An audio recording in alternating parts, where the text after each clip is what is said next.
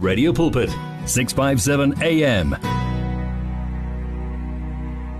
Kek Franklin washo kamnandi ethi help me believe. Ihambe njalo ke i three songs um in a row. Siqale ngobani? Siqale lapha ngo uh, ihambe kanjani? Three songs in a row. Nasingilahlekela la. Okay.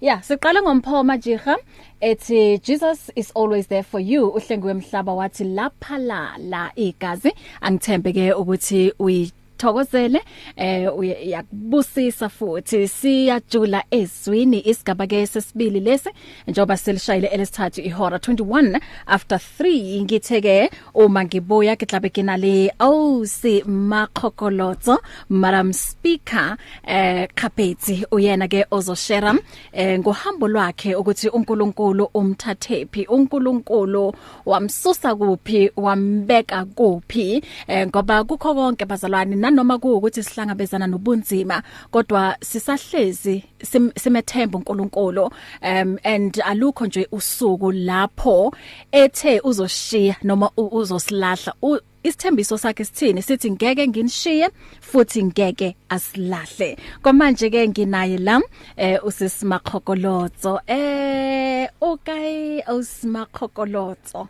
Kiteng wena okay. Kiteng ntse ke re hey wa tseba lebitso le a ibe hore ke ke lo pronounce hantle. Le thata very difficult le thata yeah. Mm. so harile harile gaola re reng? Mago Oh mago ay inkampani kare mago Ngibona ngathi ngithatha kude ha ke mahokolotso and sometimes o kanahana ga o bui hantle so yes. Mago it's better. Yes because nentse ke practice ne? Ke ntse ke ntse ke hey ibe ibe hore moyeng ke le bua hantle. Ha ho monate o thole motho um a sa bitse le bitso la hantle. yes so ke a thaba hore he o happy. I'm happy. Ke utlile and how yeah. ampotsa so I was like yo she's a genius. Re wa mohela mohae. Ke a leboha. I am so grateful. Like yeah. Ke a leboha ka invitation and we are here. Yes. Ke kopa wa dumedise le ko hae. Ke a dumedisa to everyone amametseng lebitso la ka ke magokolotso gapetsi I am from Free State but mm. Ka moha wa modimo i find myself ke le mona mo Gauteng and today ke tlo bua le lona we are here. It's yes. women's month we are going to speak healing we are going to speak courage we are going to speak strength and all things positive. Yeah. Mm, yeah. mm mm. Eh hobane ha re le batho ba bomme re re a re a hlokana. Re a hlokana yes ukuthi si encourageane. So ngokushare ama stories wethu ngokushare ama testimonies wethu um uyazi kuba nzima kwabanye abantu kodwa i thank god ukuthi wena ula. Uthe ha ke tloba le dihlong ho bua hore ke hlaha kae? Because ha re le batho we learn akere from mm, our mistakes. yeah. yes and the mistakes tsa rona ke ke tsona tse di re godisang hore mm -hmm. and then le hore o tlo gona hore o thuse batho ba bang. Ha o bua ka ntho e leng hore o wa relate ko yona go go ba go betere. go betere. Mm, mm. yes hobane wa tseba hore o bua ka eng. So mm. ka nnete you are a living testimony. Ke a lebo nna taba ya hao ke a itseba so yes. o itse ka jeko ke a dumela eh bahle hore ke tlo e share le thousands and thousands. Tsa batho hore modimo o moholo ene modimo um wa phela. So are are qale mo. So maholohotso o tsaletse go Free State. Yes. And uh, wa feleletsa o le ka mo ka mo Gauteng. So are are shebe bophelo ba hao o sa dula Free State.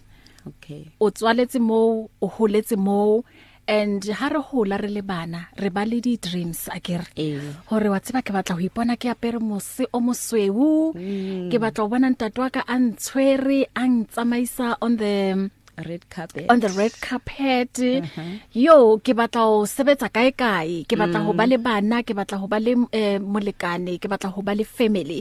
Ke ana ke ana hana hore ke ke dream ya every, every woman. child, yeah. yes. So wena di dreams tsa hao ne leng?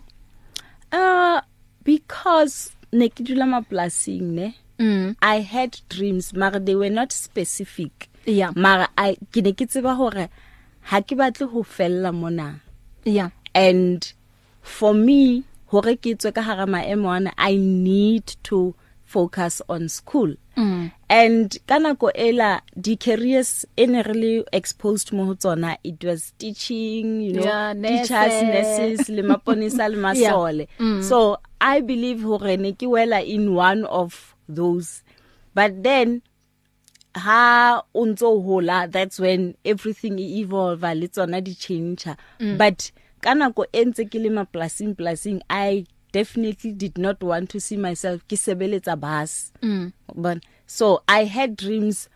E ke tsebang hore that i still can remember now ke hore ne ke batla ho ipona ke le in a classroom ena le bana ba bangata. Mm. because maplasing it's one teacher one classroom for all grades from grade R. Kana ko ene se grade R ne le standard 1 from standard 1 SSB and A. Yeah from SSB and A mm. and then until grade 6 inele all of us in one class re rutwa ke motho a i1 so mm. ke ne ke sa ke batla ho ipona ke le high school. Baneng ba bangata matitjhereng a mangata classing tse ngata in all that i wanted to see myself there. That was my initial and first dream. And ke nahana hore deep inside ke ne ke na ke tseba hore if nka fihla mola mm. then it means i can go further bona Yeah. so for now ke batla ho ipona ke le high school mm. ke batla ho the experience of being go classing eo e jwalo the experience of being go environmenteng that is different from what i can mm. see now Mm. hey. so di dreams tsa hao a di aba ntho ene o ilakatsa they became mara Yeah. ka thata ka thata because uh when i was 14 i fell pregnant. And kana ko yeno ne ke le because i started school ke na le 9 years. Already ne se ke le moholo so ha ke le 14 i was in grade 6 around maybe august because in essence it over holidays of september.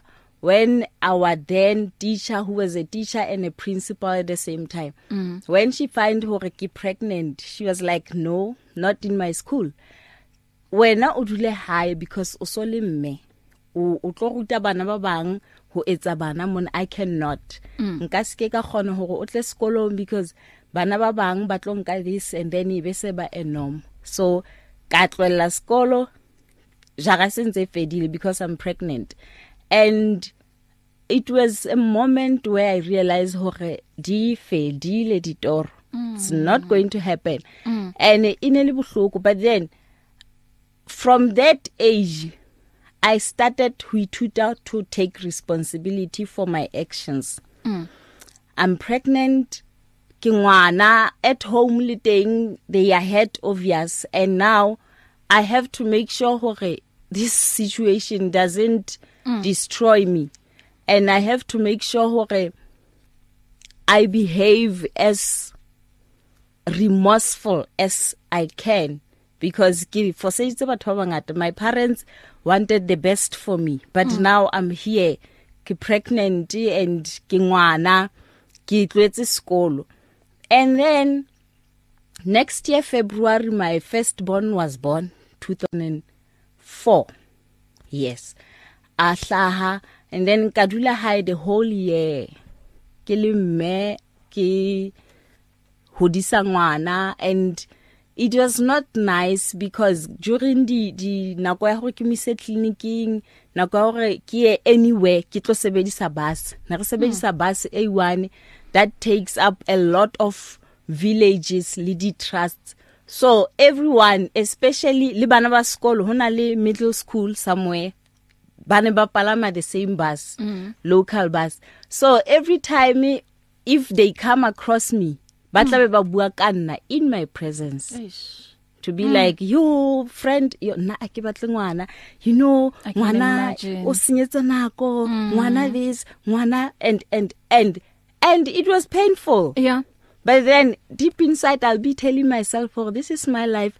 This is my story. This is my journey. It's fine. I'm here today Mm. okay but ke batla ya sekolong and should i have a chance to i'll go back and it happened that i do go back now to a different school and then my mom looked after my firstborn this is 2005 Mm. during that year i conceived my secondborn now una le 15 years. Now i am 16 6 oh yes because 50 ka ka the age of 15 no godisa ngwana yes. Now you are 16 and then i conceived again. Sure. Same month june. I think that month is very dangerous. The same person the same person the same person. And been no le emapele no le aware hore o etsang or maybe hona le ka tsela e na o qhekanyetsa ka yona? Not really. Yeah.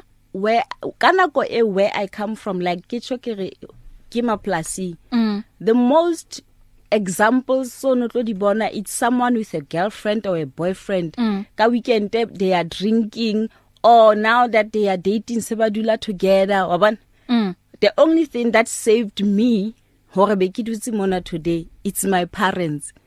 Because as much as the environment was so influential the negatives they were strict on go back to school. Mm. you go to school okay una le boyfriend we don't approve. And the boyfriend wanted to act like my husband somehow. And my mom was like not in my house. Oh how old yen ha ke he was 2 years older than me. Okay so meaning how le na le 16 and 18 eh. Okay. So now it was it was a for our second born to be born it was a once off thing and then i fell pregnant. Hmm. It, there was a funeral and now kasia ngwana habo when i go fetch the child that's when the second born came. And i was pregnant. Hmm.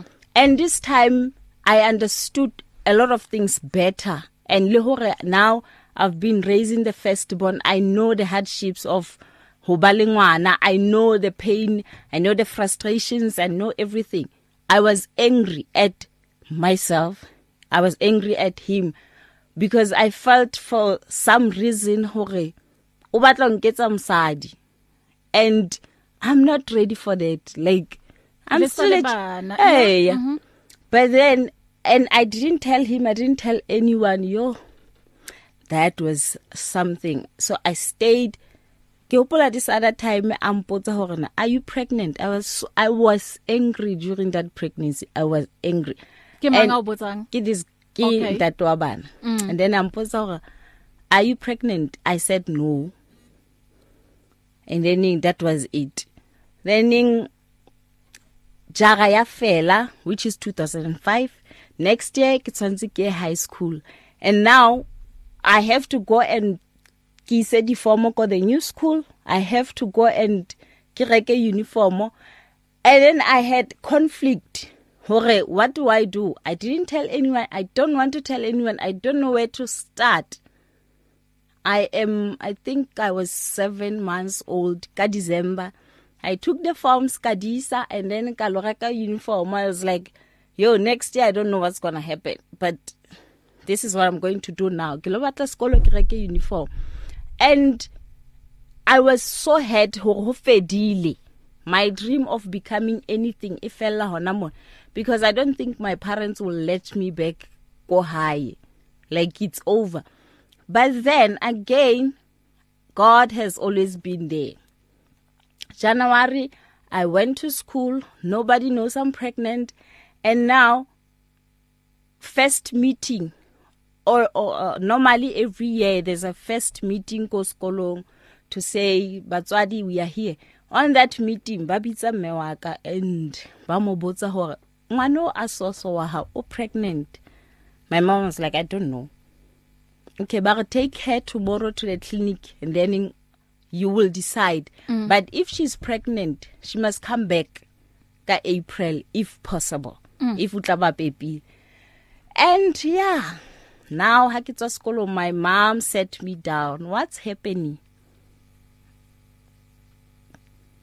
Ha o tsebe hore o reng? Ha ke tsebe hore ke reng because i'm shameful. I'm i'm sad i'm angry at me. I'm like actually my world just ended mm. the day I realized oh, I'm pregnant again. And tomorrow I went to the clinic. Came back with the results. Yes she's pregnant and she's mm. due very soon. I was 8 months pregnant. Sure. Okay fine. I went to the clinic that Tuesday and that Thursday.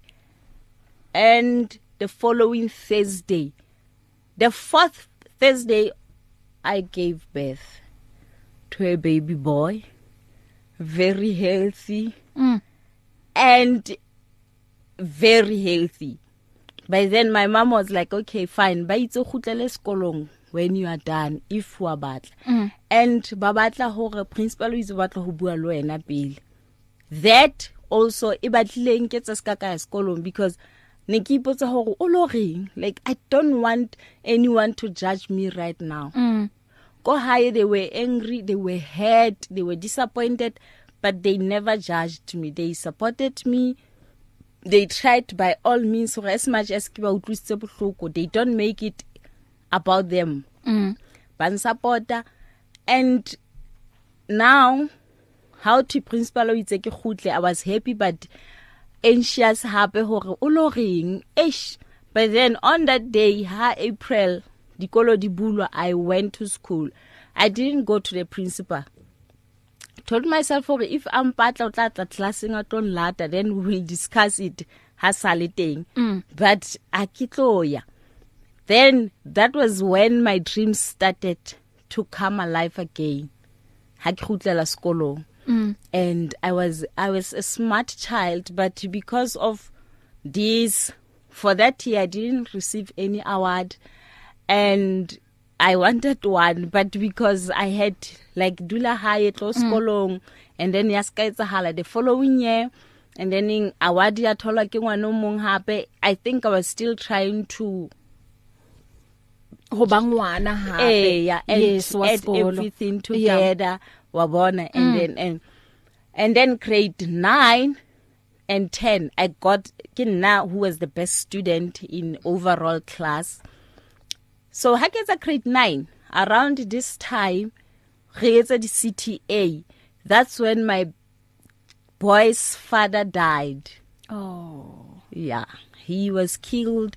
Even today we don't know how did he die. Honestly we don't know because he died and then he was found on the road mm. that is busy but he was found 7 days after he went like missing. After he, everyone lose connection or communication with him. He and the way the state he was in e bontshahatsa hore gala hlokahetse mm. because it was even difficult to recognize him. Uh ha dula nako telele ba mo thotse on saturday ba mo identifier and then monday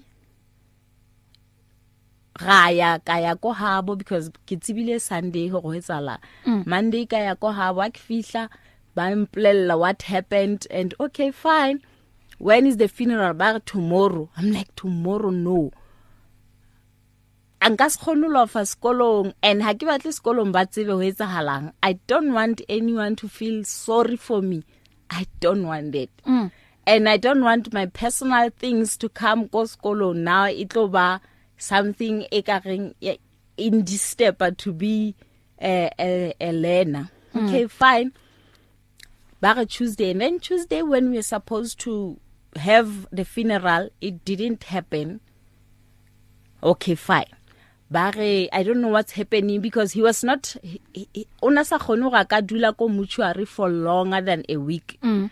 and una sa khone lo re atle ko ntlong because he was not in a good state. Ya go ka bonwa ya gore you know all mm. that. Ona tshantsa tlwe moshareng to the grave straight. Okay fine. Hatla on tuesday. And then wednesday i told myself hore now i'm going back to school. I cannot stay here because i felt like this guy bophilomba high didn't want me to go to school. And now he is dead. Tshwantse ke tlwelle ya sekolong ke tle ke tlo mo pata. Ha ke batle and i said words like you wasted my time when you were still alive. Mm. i'm not going to allow you to repeat that even when you are dead. When i'm going to school on wednesday and your cops will not come. Ha o tlo setopo sa hao se tlo nkemela until skolo se tswa and then re tla lo pat and it happened like that. That wednesday ka ya skolong ha ke khutla skolong ka thola hore no everyone is still waiting okay? Le nna ka ema le bona. And my firstborn was 4 years old and my secondborn was 2 years old. Ntate wa bona o hlokaetse they can't go to the grave grave site that that Wednesday. And we we we we went ra kopana le hash go gating ya mabitla. And then apatua ga khutlela haye then saturday ra ba le a normal funeral now for him. Mm. so that chapter ifitile we don't know what happened. And the boys ba hola. The memory kana ko ela nentse ba hopola le hore what was being said kana ko ye hore this and happened this and that happened this and that happened. Mm. so now went back to school finished my my grade 9 and 10 me ba ha hlokala ke tsa grade 10 now it's me and the boys and my family. Grade 11 and 12 complete and successful. Mm. when i was in grade 12 i now ha etsahala hore during August it was on the 13th ke preparela uh, my farewell. Then i went to this lady ke batla tlo nketsetsa the, the dress for the day. On my way back ke ka simus i decided to walk. Just a ke batla fihla no high man ha ke lo etsa next. And then i walked i walked. On my way i met this guy. This guy o ne bonahala le friendly. A batla go bua fela as motho wa kokasi and we are working on the same direction. Mm. but then kantuna le motives on our way ke ha i decided to be someone else. And decided hore now i'm going to rape this one. Hmm. and then i'm going to take her out of this route. Ke mo ise somewhere else. I'm going to threaten her so that she agrees to what i'm saying. Mm. and then ha re fihla where he wanted us to go amplela hore i have three options for you. It's either one i kill you and i take off all your parts. Then it's important ke lo di rekisa. Hona le dingaka tse ngata that will need them mm.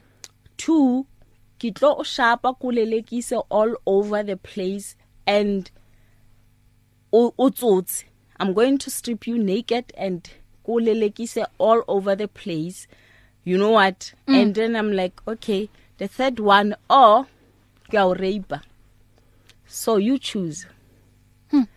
and in my mind kana koyela me, me and god were like nekli into a1 so everything that happened to me immediately i will refer and look at it from that point of view mm. for god what is in, what is this now first of all if i die and kisafumanu for days and ban thole kili in a any bad shape my mom is going to die.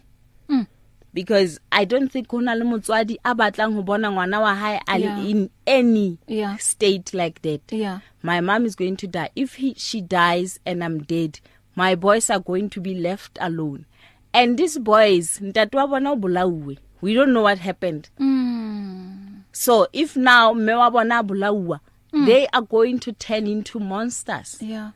so i have to make sure that i am here for my sons so let's remove this option ya hoshwa then now okay he's not going to kill me and now option number 2 if he strips me naked and antsamaisa all over wherever i don't know what's going to happen i don't have what it takes to stand any shame hona jwale Mm. i was doing matric and ke tseba hore a lot of people are counting that i fail Yeah. so when this happened ke la ka thola fela ile distraction that wants to take my focus away from my studies.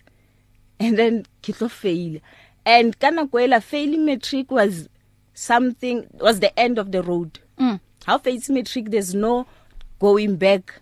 Writing or rewriting was uh, uh, something uh, very difficult. So my goal was to pass. So i don't want distractions. This one option is not going to happen. Ayina sebetsa. Now rape.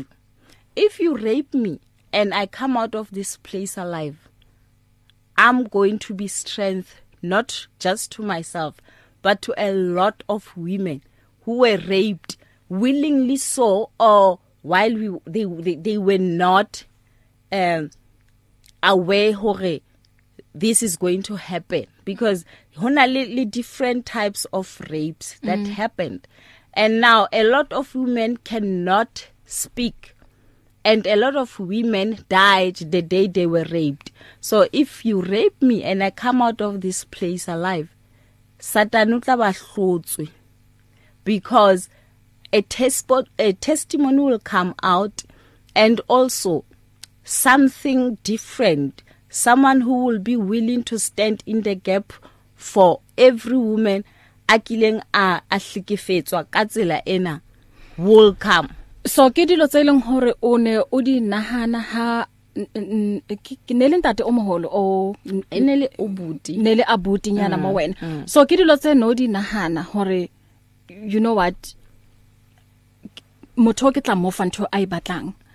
Because ha o batle ho hlokofala ha o batle ho sia bana ba hao ha o batle hore o o sie mme alla eh and then wa dumela. Ka dumela. Uh, uh, yes and then what happened and after then, that? and then it happened and after that now we are coming back. Ra tsamaya wherever he we were. And then ha re tsamaya a re tsamontshwarisa let's go to police station. After after he raped me yeah. Sure. And in my mind i was mm. like o tshepileng mm like i i i i ha ke so utlwi motho a etsang phoso ha qeta a bare ha re ye mm. go tell people hore ke ntse why do you think na batla hore o motswarise i don't think he meant it mm. maybe if i kadumela that's when he was going to be violent and become something else mm. and kill me because i think una testa hore now what are my intentions after this mm. Yeah ke ke ke tlo mtshwarisa or what am i going to do? So let me test hore now what is she thinking? And i was like no. You got what you wanted. Now can i go home? Mm. and then kere because it's now late ke tlo hloka le hore ke thole taxi because nka se walk again in case ke kopana le someone a tshwana le wena. And then he was a lovey dovey as if nalena we are an item of some sort. Mm. and amfa 20 rand ka palama taxi. Ka tsamaya. Ka fihla hae ne ke dula le cousin la cousin ya ka and monna wa hae. And then ka fihla ka dumedisa. It was a little bit chilly. 13 August 2011 ba orile stove ka dumedisa shapo. Hai dijo tsa hao ke tsela ka microwave okay fine. And then i don't think i ate that night. I slept i cried the whole night.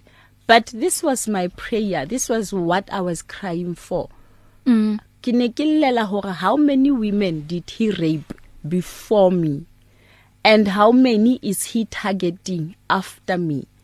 And then my concern was ke kopa apoloswe modimo ke kopa monna en a thole and a amohele morena Jesu. Because that's the only thing etlo mo stopper to become this person that he is willing to become. And every day that was my prayer about what happened. And in the morning it's sunday normally i go to church and i was fighting between kiye kiskakaya and then i was listening to the radio ba bua ka the day morena Jesu was walking among other people ba sa mohlokomele hore ke mang. And he was like hali hali so utlwe hore mora motho tsuile and that was when their eyes were opened. Ile hona ba hlokomelang hore oh this is you. Okay mm. fine. So the the message i took from that was that not everyone knows what you are going through. Mm. So you cannot walk carrying your shame, carrying your pain or feeling sorry for yourself. What you must always do is to make sure that i- despite of what you are going through you must know hore you are worth every love every respect and everything that is good mo lefatsheng so ka hlapa i went to church ke hopotse hore le nna ke ngwana modimo wa ngata and no one knows who i'm raped. And if i don't tell no one will know. Mm. ke fihla kerekeng it was a normal service but then the pastor was like moya o hallang a re ke rapelle people who are going through things that they cannot talk about. And i was like okay lord because what's happened then i went bangapella then nka khutla life ya tsela pele. Every day ko sekolong ke ne ke fihla ke na le mahlo a ruruhileng because i will cry myself to sleep every night. But what happened? Why only? I didn't sleep. I've been studying all night so this is what happened. Mare i was lying. I didn't tell hore i was raped on saturday so i'm crying every day. Hana ko tsama i felt like i'm pregnant now. Third child. I don't know that do ke mang. I didn't tell anyone that i'm preg uh, i'm raped I, I I don't have energy to deal with this one. So I started at thinking how am I going to kill myself? Suicidal thoughts. Now I have a, a, a trial exam, matric trial exam to focus on. But every time I'm sitting on an exam room, I feel like ngwana o jumpile in my stomach. Mm. And if I'm pregnant, death is the only option. because I can't I can't I can't my family e utlwile ho lekane le nna now I don't have an answer I don't Yeah. have a father I don't I don't two young kids and then Two. o mong hape wa bo wa wa boraro boraro. I'm like Wa tla. no I can't but then it was I was not pregnant then in oh i- I it was le mo mo tlhaloganyong. kelellong Okay, yes mo kelellong mm. And then every time when these thoughts come. Hona this uh, uh, brother ene ke motlwaetse then he will send me motivating scriptures messages. He will call me. He will just check up on me. I'm like okay how do you know? Okay fine.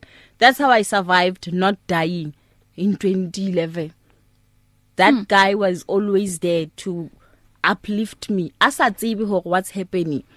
And then that's how i survived. And ka leboha modimo ka yena because i think he carried me through that journey through that time. Mm. because i started talking to my friends ka october. Or this is what happened to me ka september. And they were shocked because i never they never saw anything like that. They always saw a strong woman a very positive person and and and mm. Like yeah it happened and now i'm fine. They were crying and i was laughing. Like how can you laugh? Because ke fodile.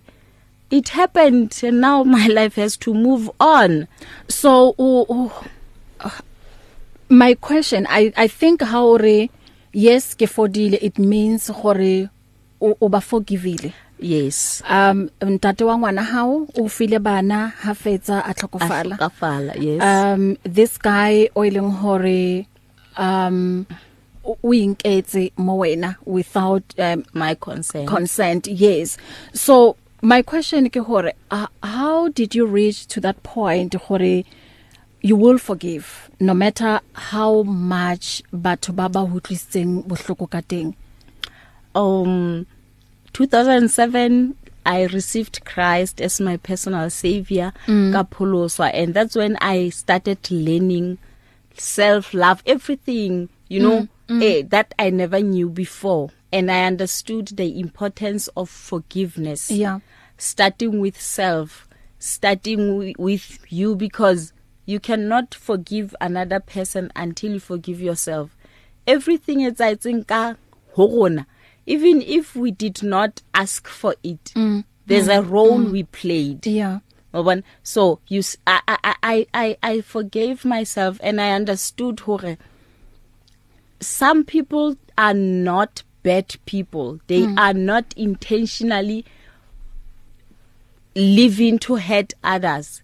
But then hona le dintho tse ngata that may have led them to becoming that.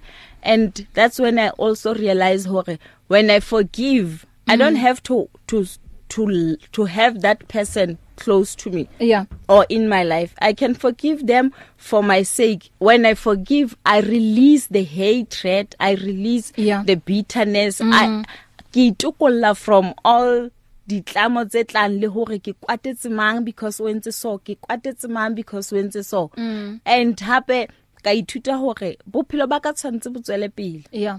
Nka se tsohe every day ke tsoa on the fact that ke bile le bana ke le mnyane. That's why i'm like this. I was raped. That's why i'm like this. Like i had to there's a, an expiring date for everything. So this one tshwantse ho fele ka tsona. Mm. now i should move on and ke ke bear the pain aside and focus on what i've learned or what i have um received from what happened to yeah. me. Mm -hmm. I, I'm glad ma ma ma kho hore y- you made peace. yeah i made peace Yeah, with what happened and uh, bonneteng fela it takes the hand of God to overcome and uh, God's work nga ngasho nje ukuthi is yet to be completed. yes empilweni yakho Amen. njengoba ulana muhla kusho ukuthi umsebenzi wakho uqalile eh and uh, i love the fact yokuthi no matter how hard it was empilweni yakho um with two small kids and nawe phela not a teenager I was- phela, I was 14. young, I was yes, young, you were and- still a teenager. Mm. and uh, ho hodisa ngwana even le motho o mogolo ke yes ke mereko o monga- o mongata. But uh, you managed to finish your matric. I managed. Yes and watswella pele hape le ka dithuto tsa hao. Yes. Yazini ngiyak-applauda ngalokho. Ngiyalibonga. and uh, bekunemicabango yokuthi ufuna ukucommita i-suicide. Yes. but uh, letsoho la modimo la fihlela ho wena mm. voice ya hae wa yutlwa a o botsa hore no you can't can't. o na le bana ba ileng hore tshwantse o ba hodisa ba ile hodisa ke mang bana bao cause ba batla mme hona yanong bana le bokae 17 and 15 wow ke bo abuti ke bo abudi Sure. bodile Wow. Mm. Okay, um isikhathi sethu siya si- si- sihambile impela kodwa ke ngizo sizothatha u10 minutes again ngale ku ku ku the, ku the final hour. Okay. Ngicela ukuthi kwamanje ngindlule ngalam and then uma ngibuya um u- u- urata ho bua lena usmakhokolozo um inamba yam i- ithi 0123341322 noma ungashayela ku 0123338699 uma uthanda ukukhuluma naye eh noma ungathumela umyalezo wakho nge WhatsApp ku 0826572729 noma SMS ku 37871 ngiyabuya ke emveni kwalokho As easy as the touch of a button. The message of life on 657 AM.